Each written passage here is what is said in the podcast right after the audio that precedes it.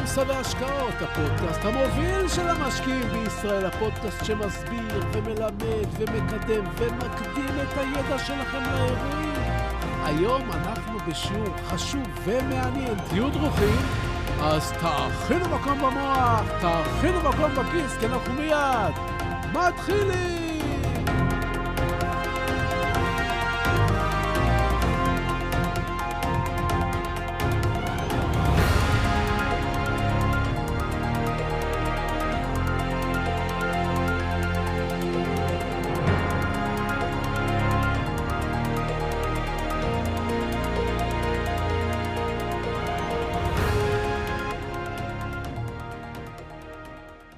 כשהייתי ילד לא היה אינטרנט.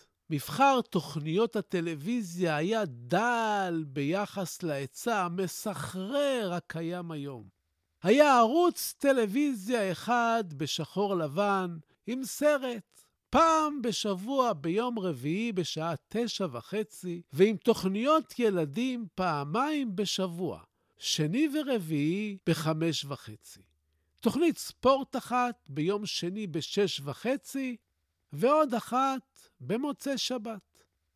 ערוצים מהעולם הגדול היו ערוץ מירדן, ולמי ששם אנטנה משולשת נוספת על הגג ומשך כבל עד לטלוויזיה, יכול היה לראות גם את הערוץ הלבנוני שהכניס את עולם ההיאבקות החופשית למדינה אז, עם גיבורים כמו ואן אריק ואייסמן, שמות שלרובכם לא יאמרו דבר, אבל אלה היו אלילים של כל מי שהם בני 50 פלוס היום. אם לא היה אינטרנט ועולם הטלוויזיה היה כה דל, מהיכן היו מקורות המידע שלנו, תשאלו? מהאנציקלופדיות. אותן סדרות של כרכים כמו האנציקלופדיה העברית ובריטניקה, שהיו פחות שימושים כי הם היו כבדים מדי להבנה, ועד אנציקלופדיות כמו מכלל ותרבות, שהמידע בהם היה נגיש יותר מבחינת הבנה ושפה לקורא הממוצע. האנציקלופדיה הייתה המקור היחיד שמנגיש מידע לקהל. מקור השם, אגב, אנציקלו זה חינוך, ופדיה זה מקיף. כלומר, ספר וכרכים של חינוך מקיף. אם קיבלנו בבית הספר כשיעורי בית מטלה לכתוב עבודה על מאורע שהיה בהיסטוריה, על אישיות מסוימת, היינו צריכים גישה לאנציקלופדיה. אם היה לך מזל, וההורים שלך יכלו מבחינה כלכלית לקנות אנציקלופדיה, אז היית חוזר הביתה. מאתר את הכרך המתאים לפי סדר האלף-בית, קורא ומסכם. אבל אם להוריך לא היו מספיק זוזים, או שהם לא חשבו שאנציקלופדיה זו השקעה ראויה, היית הולך אחר הצהריים לספרייה העירונית, ופוגש את כל ילדי הכיתה שלך מחפשים את הכרך שאתה צריך כדי לעשות את אותה עבודה. אם משווים את זה להיום, היום אנחנו חיים בגן עדן של מידע נגיש. כל ערך שאנחנו מחפשים, אנחנו ניגשים לוויקיפדיה, ובשניות מוצאים, אופס, ויקיפדיה אמרתי, ולא אנציקלופדיה. כשאני חוזר לרגע לאנציקלופדיות שקראנו כשהיינו ילדים, אני פתאום חושב על מי שכתב את תוכנן. תחשבו על זה שמי שכתב את הערכים באנציקלופדיות היו חוקרים מכובדים, אבל בטוח שלכל אחד מהם היו דעות פוליטיות ודעות כאלה ואחרות על מה שקרה בכלל בעבר, וכל אלה השפיעו במודע או שלא במודע, על דורות שלמים של אנשים שגדלו על האנציקלופדיה. תחשבו כמה קל היה לחוקר שכתב ערך מסוים באנציקלופדיה של פעם להשפיע על ההיסטוריה. ועכשיו, כשאני חוזר למצב של היום ולוויקיפדיה, זה למעשה מה שטוענים רבים. ושבעצם העובדה שקהל ענק כותב ערכים בוויקיפדיה, הוא למעשה יכול לעוות את ההיסטוריה. אבל במחקר שעשו, בו השוו ערכים בין אנציקלופדיית בריטניקה לבין ויקיפדיה, לא נמצאו הבדלים גדולים. אז הטענות נגד ויקיפדיה הן מוגזמות. אתם יודעים שאני אוהב לחבר בין עולמות. כשאני מביט במהפכה השקטה שנעשתה כאן, שהפקיעה את נגישות המידע מחברות שכתבו ומכרו אנציקלופדיות, והעבירו אותה לשליטה של כל אחת ואחד מאיתנו, שיכולים לכתוב ערך בוויקיפדיה, אני בעצם מבין שנעשה כאן משהו ענק שלא שמנו לב אליו. תחשבו על זה. רק לפני 40 שנה מספר קטן של חברות מסחריות שלט על עולם האנציקלופדיות. כלומר, עולם הידע, כל העולם הערכים שלנו. והיום הכוח הזה הופקע מידיהם בשקט. ככה שכל אחד ואחת מאיתנו, בכל נקודה על כדור הארץ כמעט, ואפילו במדינות בעלות משטר טוטליטרי, יכול לגשת חינם, אין כסף למקורות המידע, ללמוד ולקרוא על כל נושא. רק לפני 40 שנה העסק הזה אפילו לא נחלם. מכאן אני פונה למהפך שאנחנו חווים עם מטבעות הקריפטו, ומשווה את המהלך של ויקיפדיה לזה של הביטקוין. ויקיפדיה הפכה את הידע לכלי נגיש להמונים, שלאיש אין שליטה עליו. העולם של ויקיפדיה מבוזר, כלומר אין אחד ששולט עליו באופן בלעדי, ומיליוני מתנדבים שלא מכירים זה את זה, כבר כתבו בו עשרות מיליוני ערכים בלמעלה מ-250 שפות. זה ביזור הידע. תחשבו למשל שבמדינות קומוניסטיות, כמו סין למשל, הממשל יכול לקבוע מה הייתה ההיסטוריה. מי היו מנהיגי העבר, וכל נתון ניתן לשינוי על פי הצרכים של המפלגה. זה בדיוק המודל של הביטקוין. איש לא שולט בו בלעדית, ומיליוני קוראים מסביב לעולם שאינם מכירים זה את זה, מאפשרים את קיומו. ויכול להיות שזה כבר גדול מדי מכדי לעצור את זה. האם אתם חושבים שאפשר היום להחזיר את השד לבקבוק ולהחזיר את הידע לשליטת האנציקלופדיות והחברות שמכרו אותן? לחזרה של מספר קטן של חברות שעורכות ושולטות בידע שלנו? האם אתם חושבים שאפשר למחוק את הביטקוין ולהחזיר את העולם לכסף פיאט רק של מדינות? אני לא נותן לכם פה תשובות, אני רק מגרה לכם את העונות של המוח. יש דברים שהם כמו ידע טוב. פעם אחת נחשפת אליו, ואתה כבר לא יכול לחזור לאחור. יש דברים שקרו, ואי אפשר להחזיר לאחור. כמו למשל, כמו למשל, להחזיר סרט וידאו לבלוקבאסטר שאיחרת. אם לא החזרת בזמן, סרט וידאו לבלוקבאסטר, אתה תשלם על זה 44 דולר קנס על האיחור. 44 דולר שישנו את העולם שהיה עד תחילת שנות האלפיים. מה פירוש לא יכול להיות? אתם לא מבינים על מה אני מדבר? אז חכו, חכו, הנה זה מגיע. שלום וברוכים הבאים לפודקאסט בורסה והשקעות, הפודקאסט המוביל של המשקיעים בישראל, והיום נדבר על כסף ואוצרות, נדבר על נטפליקס, ונדבר על ויקיפדיה, נדבר על השקעות, רעיונות, וכמובן עוד דברים מעוררי חשיבה. אז תהיו ממוקדים, תכינו מקום במוח, תכינו מקום בכיס, כי אנחנו ממשיכים!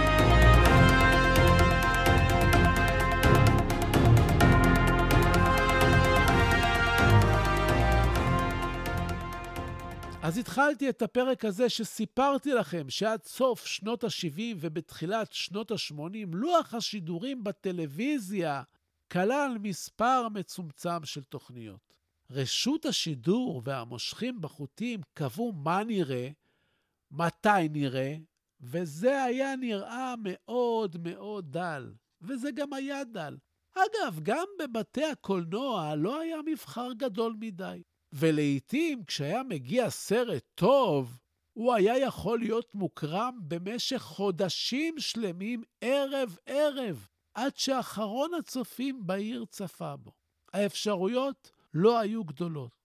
אבל בתחילת שנות ה-80 קרה שינוי.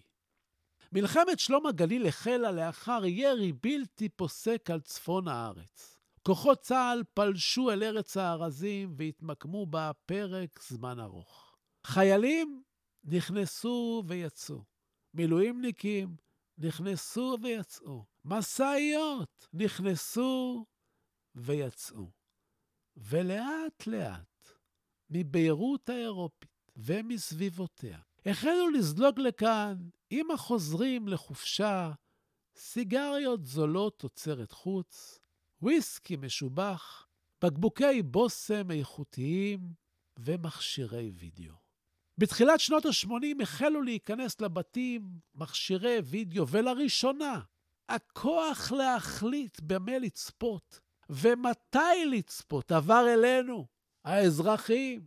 בהתחלה אלה היו קלטות פיראטיות שעברו מאחד לשני, אבל מהר מאוד החלו לפרוח ספריות וידאו שהזכירו קלטות וידאו. זה היה עולם חדש ומשגע של אושר. לא עוד סרט משעמם ביום רביעי בתשע וחצי בטלוויזיה הישראלית. לא עוד סרט קולנוע שתקוע חודשים על גבי חודשים בעולם הקולנוע המרכזי בעיר, אלא אפשרות לבחירה, לבחור מה שאנחנו רוצים, כמה שאנחנו רוצים, ומתי שאנחנו רוצים לראות. אבי עליו השלום גילה עולם חדש, וראה כל מה שניתן לראות. הוא בלה בשקיקה, סרט אחר סרט, וכילה מכשיר אחר מכשיר וידאו, ולא ידע שובע.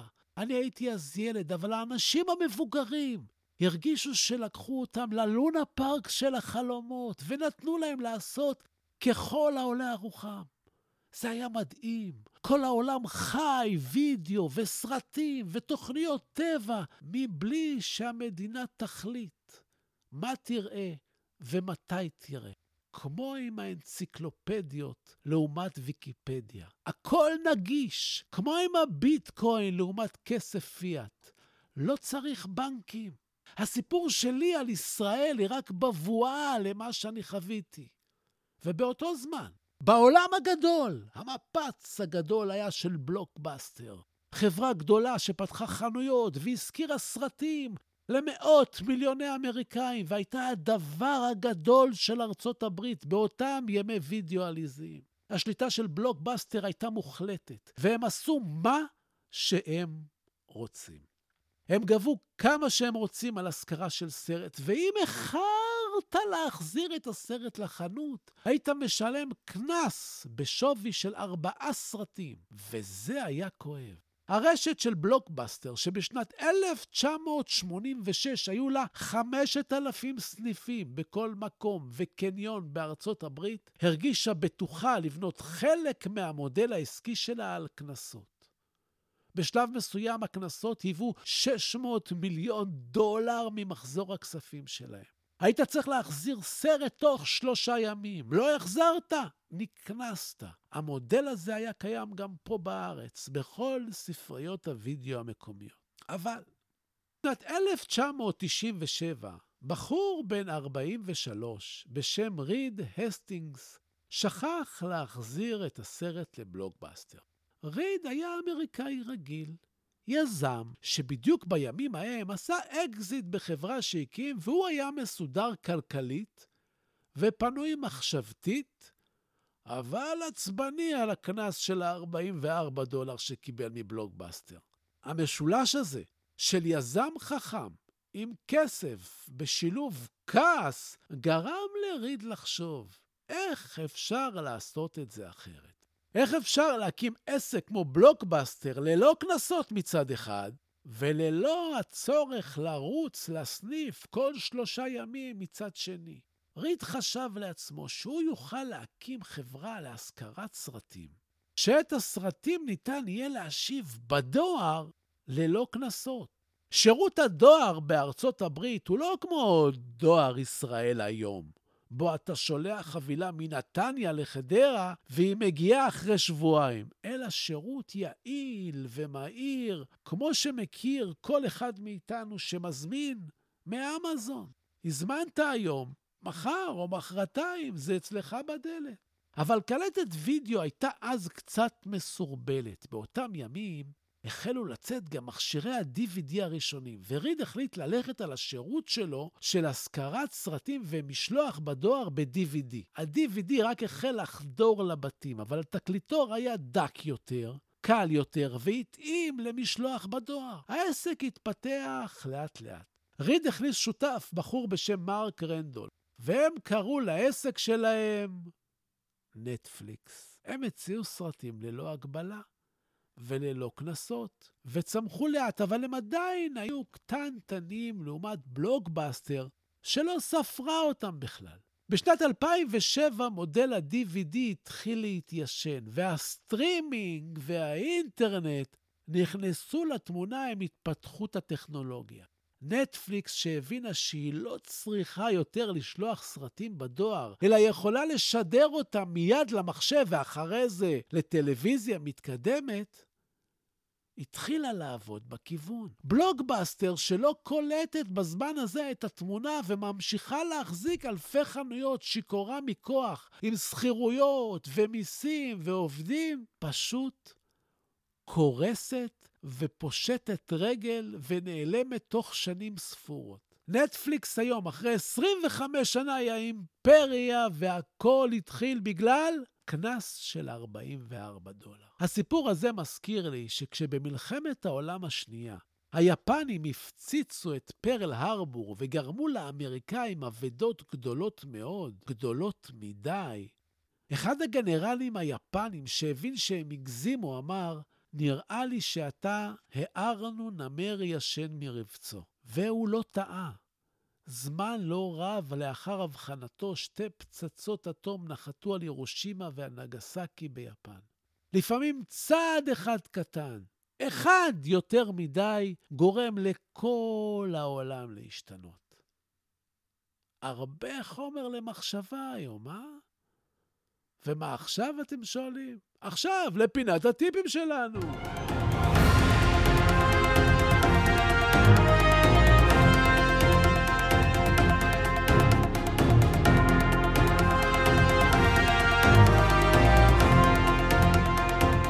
אתם כותבים לי ושואלים אותי לא פעם, איך הגעת למסקנה מסוימת על השקעה שרמזתי עליה? איך חשבת על פוסט זה או פוסט אחר? ואני אומר לכם, חבריי וחברותיי היקרים והיקרות, תשקיעו בקריאת ספרים. אתם יכולים לקבל עצות מכל האנשים הכי חכמים בעולם. הכל כתוב בספרים. תדייקו את קריאת הספרים שלכם. כי יש מיליוני ספרים, ובכל חודש יוצאים עוד עשרות אלפים. כשתעשו את זה בצורה רציפה, תרגישו איך החשיבה שלכם הופכת להיות משהו אחר, עולם אחר, ותוכלו לעבור את החיים האלה בצורה הרבה יותר טובה ומהנה. תשקיעו בעצמכם, כי אתם, זה כל מה שיש לכם. צודק? אז זהו לנו להיום. ובסיום אני שב ומציין, אין במה שאני אומר המלצה מקצועית או ייעוץ מקצועית. אלה תמיד כדאי לקבל מיועץ מוסמך עם רישיון ליאן. אני רק משתף אתכם במה שאני חושב, והמניות שאני לפעמים מדבר עליהן כאן, אתם צריכים לדעת. אני לפעמים קונה מהם, לפעמים מוכר מהם, ואני אף פעם לא מנסה לכוון אתכם לבצע שום פעולה, אלא רק לגרום לכם לחשוב, לחשוב, לחשוב, ותודה. תודה לכם על התגובות החמות, על השיתופים. תמשיכו ותפיצו, וכך אנחנו גדלים ביחד. אנחנו כבר עם מיליון הורדות של הפודקאסט. זה מטורף. תודה להילה ברגמן שעורכת ומאירה ומפיקה את הפודקאסט הזה. ועד הפגישה הבאה שלנו, אתם מוזמנים לשמור איתי על קשר, לבקר באתר האינטרנט שלי, סודות.co.il, לקרוא שם פרטים על הקורס קריאה וקורס פסיכולוגיה של המשקיעים, לשלוח לי מייל, לכתוב לי את דעתכם, לשאול שאלות, צביקה, כרוכית, סודות.co.il. תעקבו אחריי באינסטגרם, סודות, קו תחתון, בורסה באנגלית, תגיבו, תשאלו, תעלו נושאים, ואני אחזור לכל אחד ואחת מכם. אני מבקש, סמנו שאהבתם. תשלחו את הפודקאסט עכשיו לכמה חברים. כן, אני רוצה עוד מאזינים. תעשו השתדלות, תפיצו. שיהיו לכם הרבה הרבה בשורות טובות. תודה רבה שהאזנתם לי. וחשוב, הפודקאסט הזה מדבר בלשון זכר, אבל הוא פונה לנשים וגברים כאחת. אני רק עושה את זה מטעמי נוחות, זה הכל. אז שיהיו לכם כל ההצלחות שבעולם. ניפגש שבוע הבא.